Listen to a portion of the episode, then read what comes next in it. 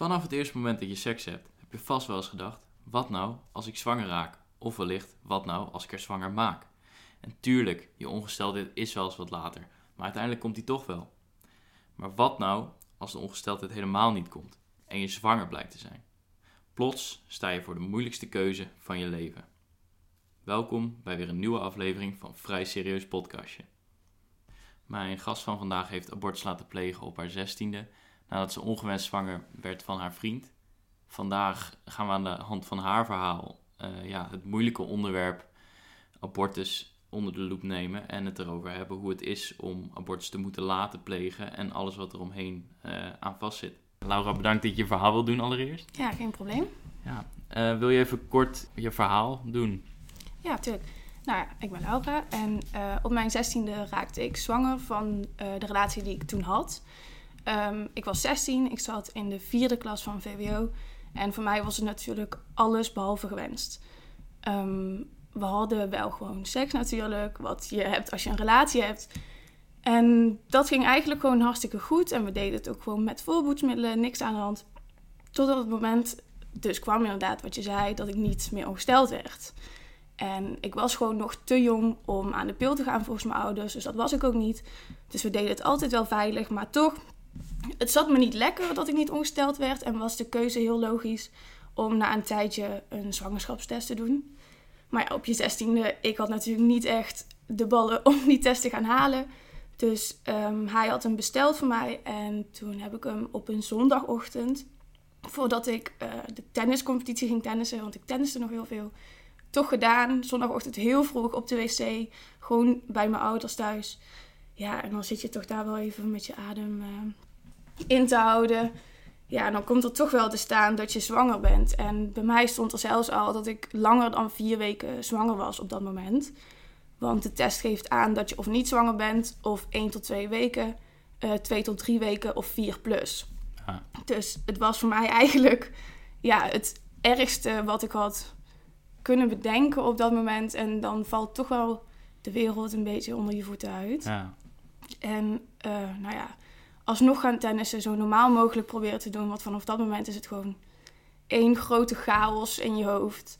Je weet niet met wie je het wel kan delen, met wie je het niet kan delen.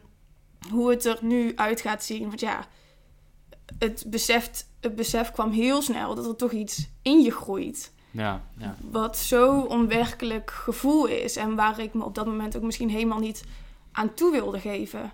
Op je zestiende. Nog niet eens een diploma. Geen inkomsten ja, wat nu? En ehm, na heel veel wikken en wegen heb ik het toch aan mijn zus verteld uiteindelijk. En die was heel geschokt, wat iedereen natuurlijk zou zijn. Want zij was de eerste aan wie je het vertelde. Ja, de, ja. behalve mijn relatie toen op dat moment. hij was de eerste. Heb je hem wel gelijk verteld ook? Omdat hij wist natuurlijk ook dat je die test ging doen. Ja, hij was de eerste wel wie ik het tegen vertelde. Maar vanaf het eerste moment nam hij heel erg afstand van alles wat er speelde. En had ik niet echt het idee dat ik daar mijn hele verhaal en alles aan wilde vertellen. Wat natuurlijk heel raar is, aangezien je met hem in hetzelfde schuitje zou zitten. Maar het voelde voor hem ook heel anders. Wat ik ook snap, want hij kijkt er natuurlijk heel anders naar als ik op dat moment. want ja, het is mijn lichaam. Maar uh, mijn zus die was heel geschokt, heel erg goed met haar kunnen praten, heel veel steun aan gehad. En uiteindelijk wist ik niet helemaal wat ik wilde doen. Maar een beetje op het aandringen van hem toch wel, hebben we uiteindelijk besloten om toch te gaan kijken naar een abortus. Waar ik uiteindelijk misschien voor mezelf langer had over na willen denken. Mhm. Maar uit, ja, uit reactie, zijn reactie was natuurlijk van oké, we moeten dit oplossen. We gaan dit doen, weet je wel. Er is geen mogelijkheid dat we dit gaan houden. Nee. Wat terugkijken nu de meest, de meest beste beslissing is die ik ooit gemaakt heb uiteindelijk.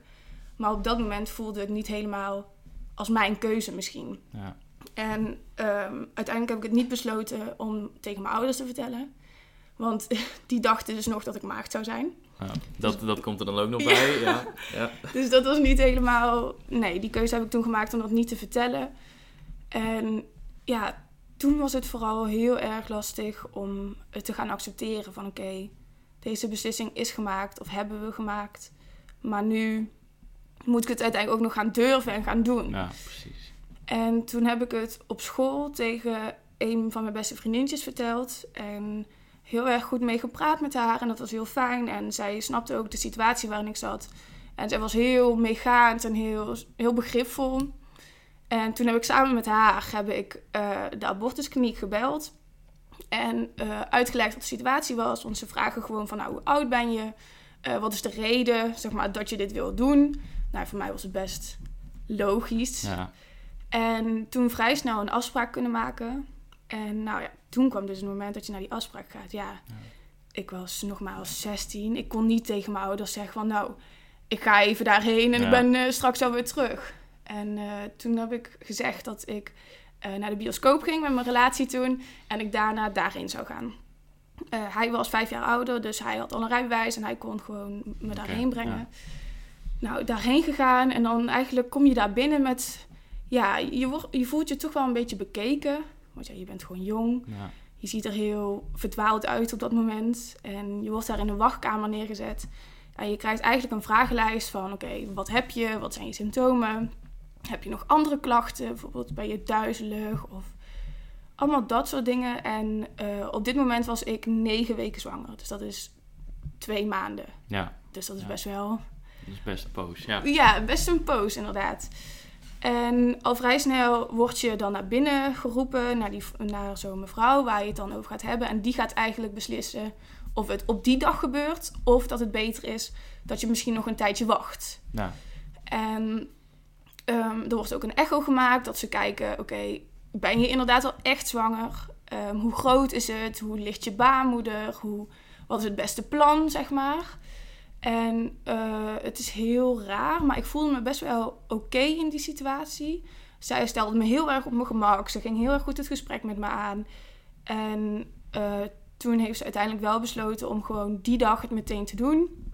Omdat ik er toen mentaal ook wel gewoon klaar voor was. En ja. misschien ergens ook klaar mee was met al het gezeik en het onzekere. En vanaf toen was het eigenlijk heel raar. Dan heb je dat gesprek en dan ben je er nog best wel oké okay bij. En dan word je, zeg maar, je had het eerste deel van het gebouw. En dan is er echt zo'n deur waar je dan doorheen gaat. En dan is het gebouw helemaal anders. heb je allemaal van die hokjes. Nou, daar moest je dan heen. Kreeg je zo, moest je helemaal uitkleden. Kreeg je zo'n kleed aan, alsof je een ja. operatie onderging.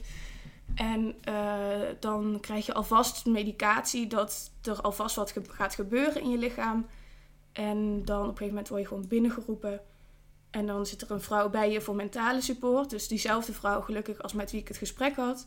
Ja. Dus die praat je dan door heel de operatie heen. En eigenlijk van, ja, het is geen operatie, maar het is gewoon de behandeling. Maar eigenlijk van heel die behandeling is het toch een soort afscheiding van wat je met haar aan het vertellen bent. En wat er eigenlijk met je onderlichaam ja. gebeurt. En ik heb er uiteindelijk niet zoveel van gemerkt. Of niet zoveel van willen merken. En dan moet je nog een uur ter observatie blijven en dan sta je eigenlijk weer buiten. Ja. En dan is het eigenlijk de belangrijkste beslissing in je leven, zo voelt het op dat moment, gebeurd in nog geen vier uur tijd. Ja, en, ja heftig. Ja. Want dat is, dat is voor de mensen die het niet weten. Je hebt, en ik weet niet of dat toen voorgelegd is of iets bij jou, maar je hebt dus de abortuspil. Daar heb je twee pillen die je neemt. Of inderdaad een soort van operatie. Een... Ja, zuigcurettage. Precies. Ik was zo bang dat ik het moest gaan uitspreken. Want ik heb het op blaadje staan, maar ik zou niet weten hoe. Maar ja. en je hebt dus de tweede. Ja, zuigcurettage ja. inderdaad. De abortuspeel is als het nog kleiner is. Dus volgens mij onder zoveel weken. Maar omdat ik toch al ja, twee maanden en een week zwanger was... Ja. Was zuigcurettage gewoon de beste optie. En wat ze dan doen is eigenlijk ja, een soort van stofzuigen. Ze zuigen het gewoon allemaal leeg. En ze halen het ze halen het gewoon eigenlijk weg uit ja. je baarmoeder. Ja, dus dat is uh, ja. die optie wat ze dus doen als je langer dan acht weken volgens mij zwanger bent. Ja, ja want je hebt dus, uh, je mag tot 24 weken mag je abortus plegen. Uh, dit is ongeveer 5,5 maand als je dit omrekent.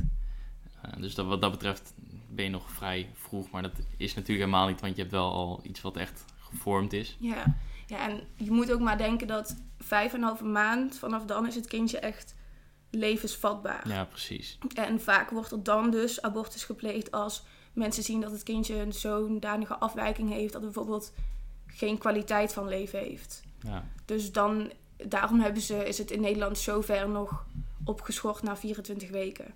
Ja. Maar ja, twee maanden is als je kijkt op negen maanden, alsnog best lang. Ja, nee, precies. Nee, niet om, niet om iets weg te nemen van Nee, nee. dat het gewoon moeilijk is. En, eh, maar meer om even aan te geven voor iedereen van wat nou de, de regels zijn omtrent abortus. Mhm. Eh, je nam, noemde al even de mensen met wie je hebt meegenomen. Ik neem aan dat je ouders het uiteindelijk wel weten of nog steeds niet. Nou, ehm, nee. Eh, of ja, nu wel. Maar Ja. ehm, ik had het dus... Ik was in eerste instantie ga je naar de huisarts. Want ja, je moet, de huisarts stuurt eigenlijk een doorverwijzing naar die kliniek dan. Nadat jij ze zelf gebeld hebt. En eh, ik had aan de huisarts gevraagd van... Goh, mijn ouders weten niet dat ik dit ga doen. Zou je het niet op mijn huisartsen, eh, zeg maar, verzekering willen Ja. zetten? Wat je dan, dan komt er zo'n afspraak te staan. Toen zei ze, oké, komt goed. Maar dan moet je dat in de eh, kliniek moet je dat ook even zeggen. Mhm. Dus ik in de kliniek nogmaals het verhaal uitgelegd van goh, zus en zo. Nee, oké, je kan gewoon contant betalen. En we brengen voor jou verder geen kosten in rekening omdat je nog zo jong bent. Ja, Dus helemaal super. Ik dacht, nou, helemaal chill. Nu kan ik, als ik het wil gaan vertellen, kan ik het op mijn eigen tempo vertellen. Mhm. Toen had uiteindelijk de huisarts het toch op mijn eh, verzekering Ja. gezet, zeg maar. Dus toen kon papa op een gegeven moment zien van... hé, hey, ze is naar de huisarts geweest. Wat is hier ja. aan de hand, weet je wel. Nou, toen werd ik... eh, eh, ik was toen een weekend weg. Ja, toen werd ik gebeld door mijn zus. Van ja, volgens mij weten ze het. Ze hebben iets Mhm. door. Ze weten niet waarom je naar de huisarts geweest bent. Ik heb niks gezegd, maar ze weten het wel. Ja. Dus toen kwamen wij thuis dat weekend. Toen hebben we met z'n zessen een gesprek gehad. Dus ik, mijn vriend toen, papa, mama en mijn zus, vijven. Mhm.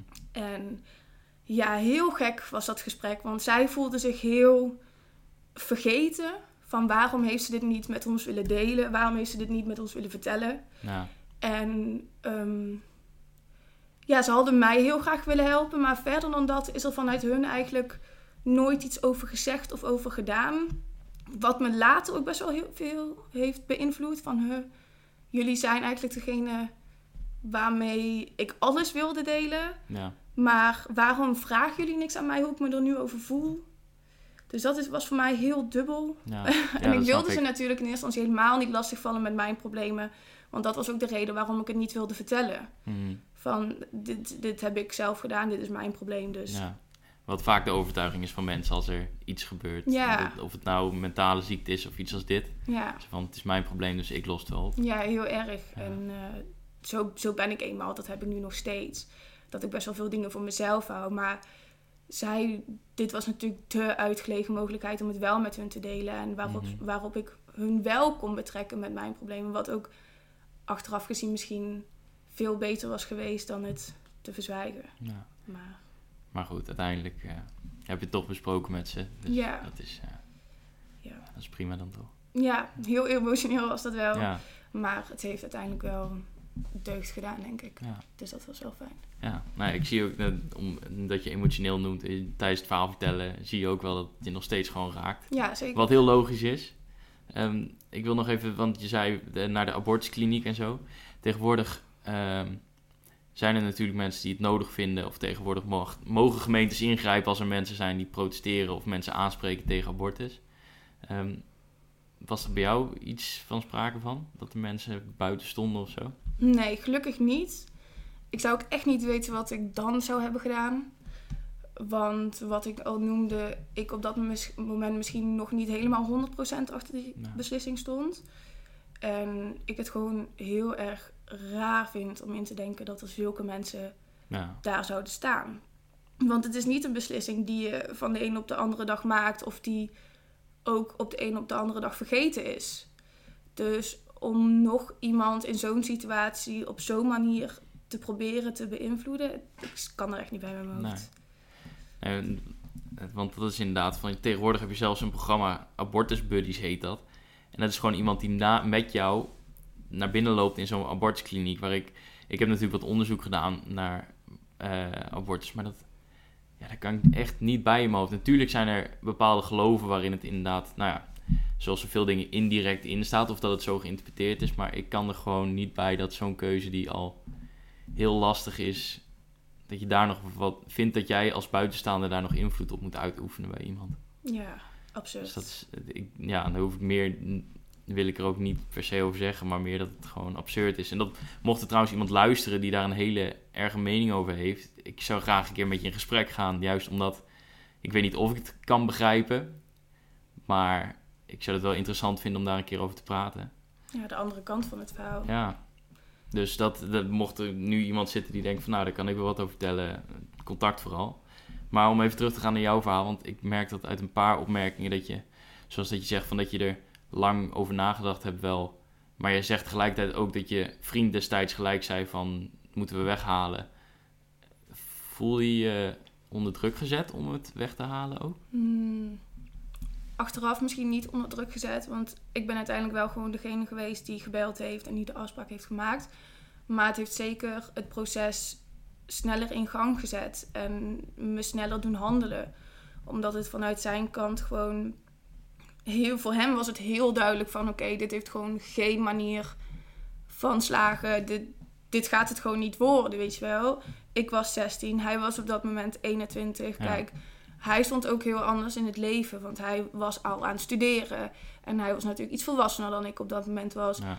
En het scheelde ook heel erg dat het misschien niet zijn lichaam was. Ja, het was op dat moment wel zijn vriendin en hij heeft daar wel natuurlijk een rol in. Maar het was mijn lichaam. En natuurlijk voel je er op dat moment wel een band mee of zo. Het groeit wel in je en het doet iets met je, weet je wel. Je hebt wel het gevoel van oké, uit dit kan iets moois komen. En dat, dat is wel hetgene waar ik me heel erg aan vasthield. Van ja, maar er zitten ook positieve dingen aan als we het wel houden. En het, het kan ook gewoon wel lukken als we het wel houden. Want hoe vaak zie je wel die programma's op televisie dat mensen het wel houden en dat het wel goed gaat en dat ze wel een goed leven hebben. Van, hoezo mhm. kan dat dan niet bij mij? Ja. En het heeft me niet onder druk gezet, maar ik denk wel dat het me sneller deze beslissing heeft doen maken. En misschien voor mijzelf gezien te snel uiteindelijk. Ja. Dus dat is misschien de reden waarom ik het zo verwoorden net. Ja, ja en, maar eh, hoe sta je er tegenwoordig in? Als we even naar nu gaan, laat maar zeggen. Mm, nou, achteraf gezien, het is echt wel ehm, de juiste beslissing geweest. Anders had ik hier nooit gezeten. Had ik nooit, uh, misschien wel nooit gestudeerd of nooit in ieder geval de studie gedaan die ik nu zou doen. Ja. Misschien had ik wel nooit mijn middelbare school überhaupt afgemaakt. Want ja, ik zat natuurlijk nog in 4 VWO. En ben ik ontzettend blij met waar ik nu sta. En had ik dat zeg maar niet anders gezien. Uh, maar ik zeg heel vaak als ik het erover heb, als ik het terug zou draaien, zou ik misschien wel een andere beslissing hebben genomen. Of er in ieder geval langer over nagedacht. Ja. En ik zeg niet dat ehm, als ik het toen gehouden had, dat ik niet had kunnen bereiken wat ik nu heb bereikt. Maar ik had het er misschien wel langer over gedaan. Ja. Dus. En als je nu, want je zegt inderdaad van dat je nu misschien een andere keuze had gemaakt als je het terugdraaide. Uh, sta je er ook wel bij stil dat misschien in de toekomst wel lastig kan blijken om zwanger te raken? Is dat nog iets wat meespeelt? Uh, het is volgens mij niet de, je bedoelt de behandeling. Dat nee, niet per se de behandeling, maar gewoon überhaupt. Je hoort natuurlijk een heleboel vrouwen, of een heleboel vrouwen, er zijn best wel wat vrouwen die moeilijk zwanger worden. Mhm. En ik voel me gewoon af of je daar wel eens bij stil hebt gestaan dat het misschien gewoon, niet om jou een slecht gevoel aan te praten of iets, maar dat dit een, een ja, soort van toevalstreffer was dat zo, nou, zelfs met voorboedsmiddelen lukte. En hoe het dan zou zijn voor jou als je nu zo merkt van oké, ik wil nu zwanger raken en nu gaat het lastiger. Hmm, misschien heb ik daar nog niet zo over nagedacht. Want in mijn achterhoofd was het misschien juist het tegenovergestelde van... Goh, ik ben nu al zwanger, misschien ben ik wel heel vruchtbaar of zo, snap je? Dat, het, dat ik er in het vervolg juist geen moeite mee ga hebben, omdat het nu al zo makkelijk ging. Maar het heeft voor mij wel heel erg bevestigd hoe graag ik in het vervolg kinderen wil. Ja. En daar loop ik misschien in deze, de relatie die ik nu heb tegenaan, dat ik best wel impulsief soms zeg van zullen we nu gewoon kindjes maken? Terwijl het natuurlijk helemaal niet realistisch is. En ik het helemaal nu ook niet wil of zo. Maar het zo bevestigd heeft van oké, ik wil later kinderen. En die kinderen gaan echt alle liefde krijgen die ze maar kunnen krijgen van mij, zeg maar. Dus dat is echt wel een bevestiging. En dat is misschien wel een van de mooiste dingen, mooiere dingen die ik mee heb genomen uit het hele ja. verhaal en de hele ervaring. Maar ik ben niet bang dat ik in het gevolg moeite ga krijgen met kinderen. Nee, oké. Misschien omdat die bevestiging juist zo hard bevestigd is hierdoor. Ja, ja nee, dat is inderdaad misschien wel een mooie waarneming inderdaad. Dat je echt denkt van oké, maar ik wil het echt wel. En moet ik zeggen, toen je Uh, we hebben al even aan de telefoon gesproken hiervoor. En toen had ik wel wel even, toen je het verhaal een beetje nou, heel globaal vertelde, dat ik wel Mhm. echt zoiets had van pff, 16 en dan die keuze moeten maken. Die aan de ene kant voor de luisteraars misschien is van, nou dat is juist een makkelijke keuze dan. Want wat je vertelt inderdaad, eh, je hebt nog niks qua middelen om te zorgen. Maar aan de andere kant ook zo lastig. En jij legt net een foto van de echo eh, voor mijn neus. En toen, daar werd ik gewoon een beetje stil van. En nu weer, nu ik erover nadenk. En ik echt denk van ja, dit gesprek heb ik al wel vaker gevoerd, ook met mijn vriendin. Mhm. Van wat als, van tuurlijk, ik denk dat iedereen dat gesprek wel eens heeft gehad. Iedere relatie, Maar- tuurlijk. Dan, dan krijg je zo'n kaartje voor je, of zo'n kaartje, gewoon een foto van wat het was voor je neus. En dan, nou ja, jij zei het zelf ook, het is echt letterlijk 2 centimeter, het is eigenlijk niks. Maar dan merk ik al gelijk dat ik wel emotioneel echt iets met me doet. Wat ook, ook maar weer bevestigt hoe zwaar het is om zo'n keuze te moeten maken. En dat het ook niet makkelijker wordt wanneer je die abortuskliniek eenmaal in bent gestapt. Ja, het is toch wel... Ergens voelt het ook wel als een verantwoordelijkheid. Want als je heel lang na gaat denken... En dan snap ik ergens misschien wel die mensen die voor die abortuskliniek gaan staan. Het is wel een leventje. Ja, Maar in zo'n vroeg stadium is het gewoon nog niet levensvatbaar. nee. En dat, daar kan je ook gewoon niet jezelf verantwoordelijk voor noemen. Want dan denk ik, als je echt zo blijft denken, dan word je helemaal gek, denk ik. Ja, Want oh, ja, het was voor mij ook wel dat ik me heel erg distancieerde van het feit dat het een leventje zou kunnen worden. mm, Want dan, ja. Dan snap ik misschien ergens wel de mensen die zeggen van ja, maar het, het is uiteindelijk een leven. Maar als je ziet, als je kijkt naar de foto, het is 2 centimeter. mhm, Het is, ja, het is net iets groter als een sojaboon, zeg maar. ja. Dus dat is echt niet levensvatbaar in mijn ogen op dit moment Nee. hoor. Nee, dat ook niet. Maar meer dat er wel... Het roept zonder dat ik onderdeel ben geweest van de hele situatie... roept het gewoon al emoties op. En dat Mhm. dat voor mij ook wel weer bevestigt van... Mocht het moment zich ooit aandragen... wat natuurlijk niet te hopen is... tenzij je echt zwanger wil raken... of je denkt van... nou, als het nu gebeurt... is het niet heel erg. Mhm. Maar dat ik zelfs met, met dit soort kleine dingetjes al wel denk van... oké, ik denk dat het echt veel pittiger gaat zijn... als het je overkomt dan dat ik inschatte. Want ik wist dat het niet makkelijk zou zijn. En dat bevestigt jouw verhaal alleen nog maar meer. Nee. En dat is het ook, ik merk in mijn omgeving, dat ook al weten mensen niet eens wat er met mij gebeurd is, een gesprek komt toch soms best wel snel op zo'n onderwerp. Ja, En dat mensen daar zoveel meningen over hebben en zoveel verschillende meningen.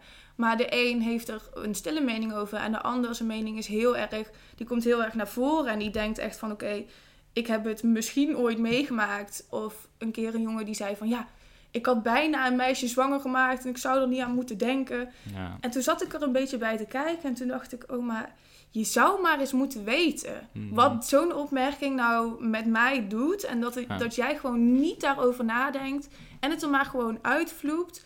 Terwijl het bij zoveel meisjes en vrouwen in Nederland gebeurt. ja, Dat mensen zo'n verschillende meningen hebben over iets wat onbekend is, maar toch best gebruikelijk. Ja. En dat mensen zich er echt over zullen verbazen hoeveel mensen het aanspreekt in Nederland. ja, Dus, dus mensen hebben zoveel meningen. En ik vertel het ook echt wel tegen de mensen die, waarvan ik denk, oké, jou kan ik het vertellen. En die reacties zijn meestal ook heel, wat je zegt, emotioneel. Mensen voelen zich geraakt. Mensen kunnen zich, wat jij zegt, inleven in de situatie. Omdat ze bijna allemaal wel een keer die angst hebben gehad van, oh, wat als? Ja. Inderdaad, is nu dan het moment dat ik zwanger ben of zo. Ja.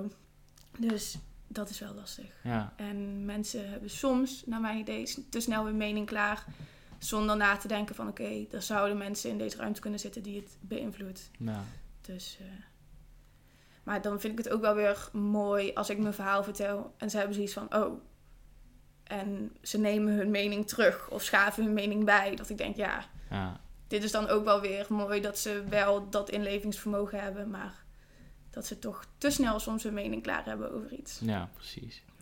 Ja, en helaas is het wereldwijd natuurlijk nog steeds zo dat er, een, eh, dat er nog maar beperkte ruimte is voor abortus. Ehm, nou, ik ga de nummers nu, of de cijfers niet allemaal doorlopen, want dan wordt het echt een opnoemrijtje. Maar zoek het vooral even op. Ik heb gisteren echt mijn ogen uitgekeken naar, naar de statistieken die er zijn en hoeveel vrouwen geen vrije keuze hebben over hun eigen lichaam en nou ja, kinderen wel of niet op de wereld zetten.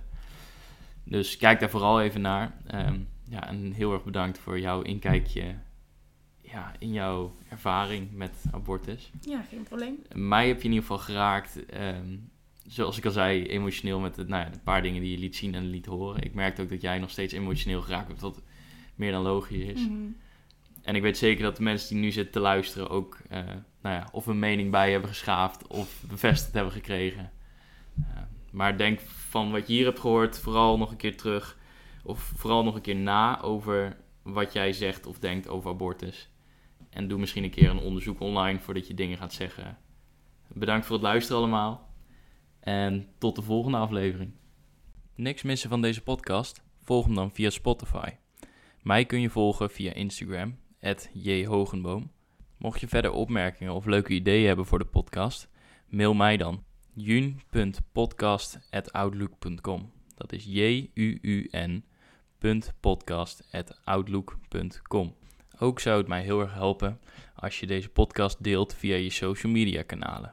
Hartelijk dank voor de support voor mijn podcast.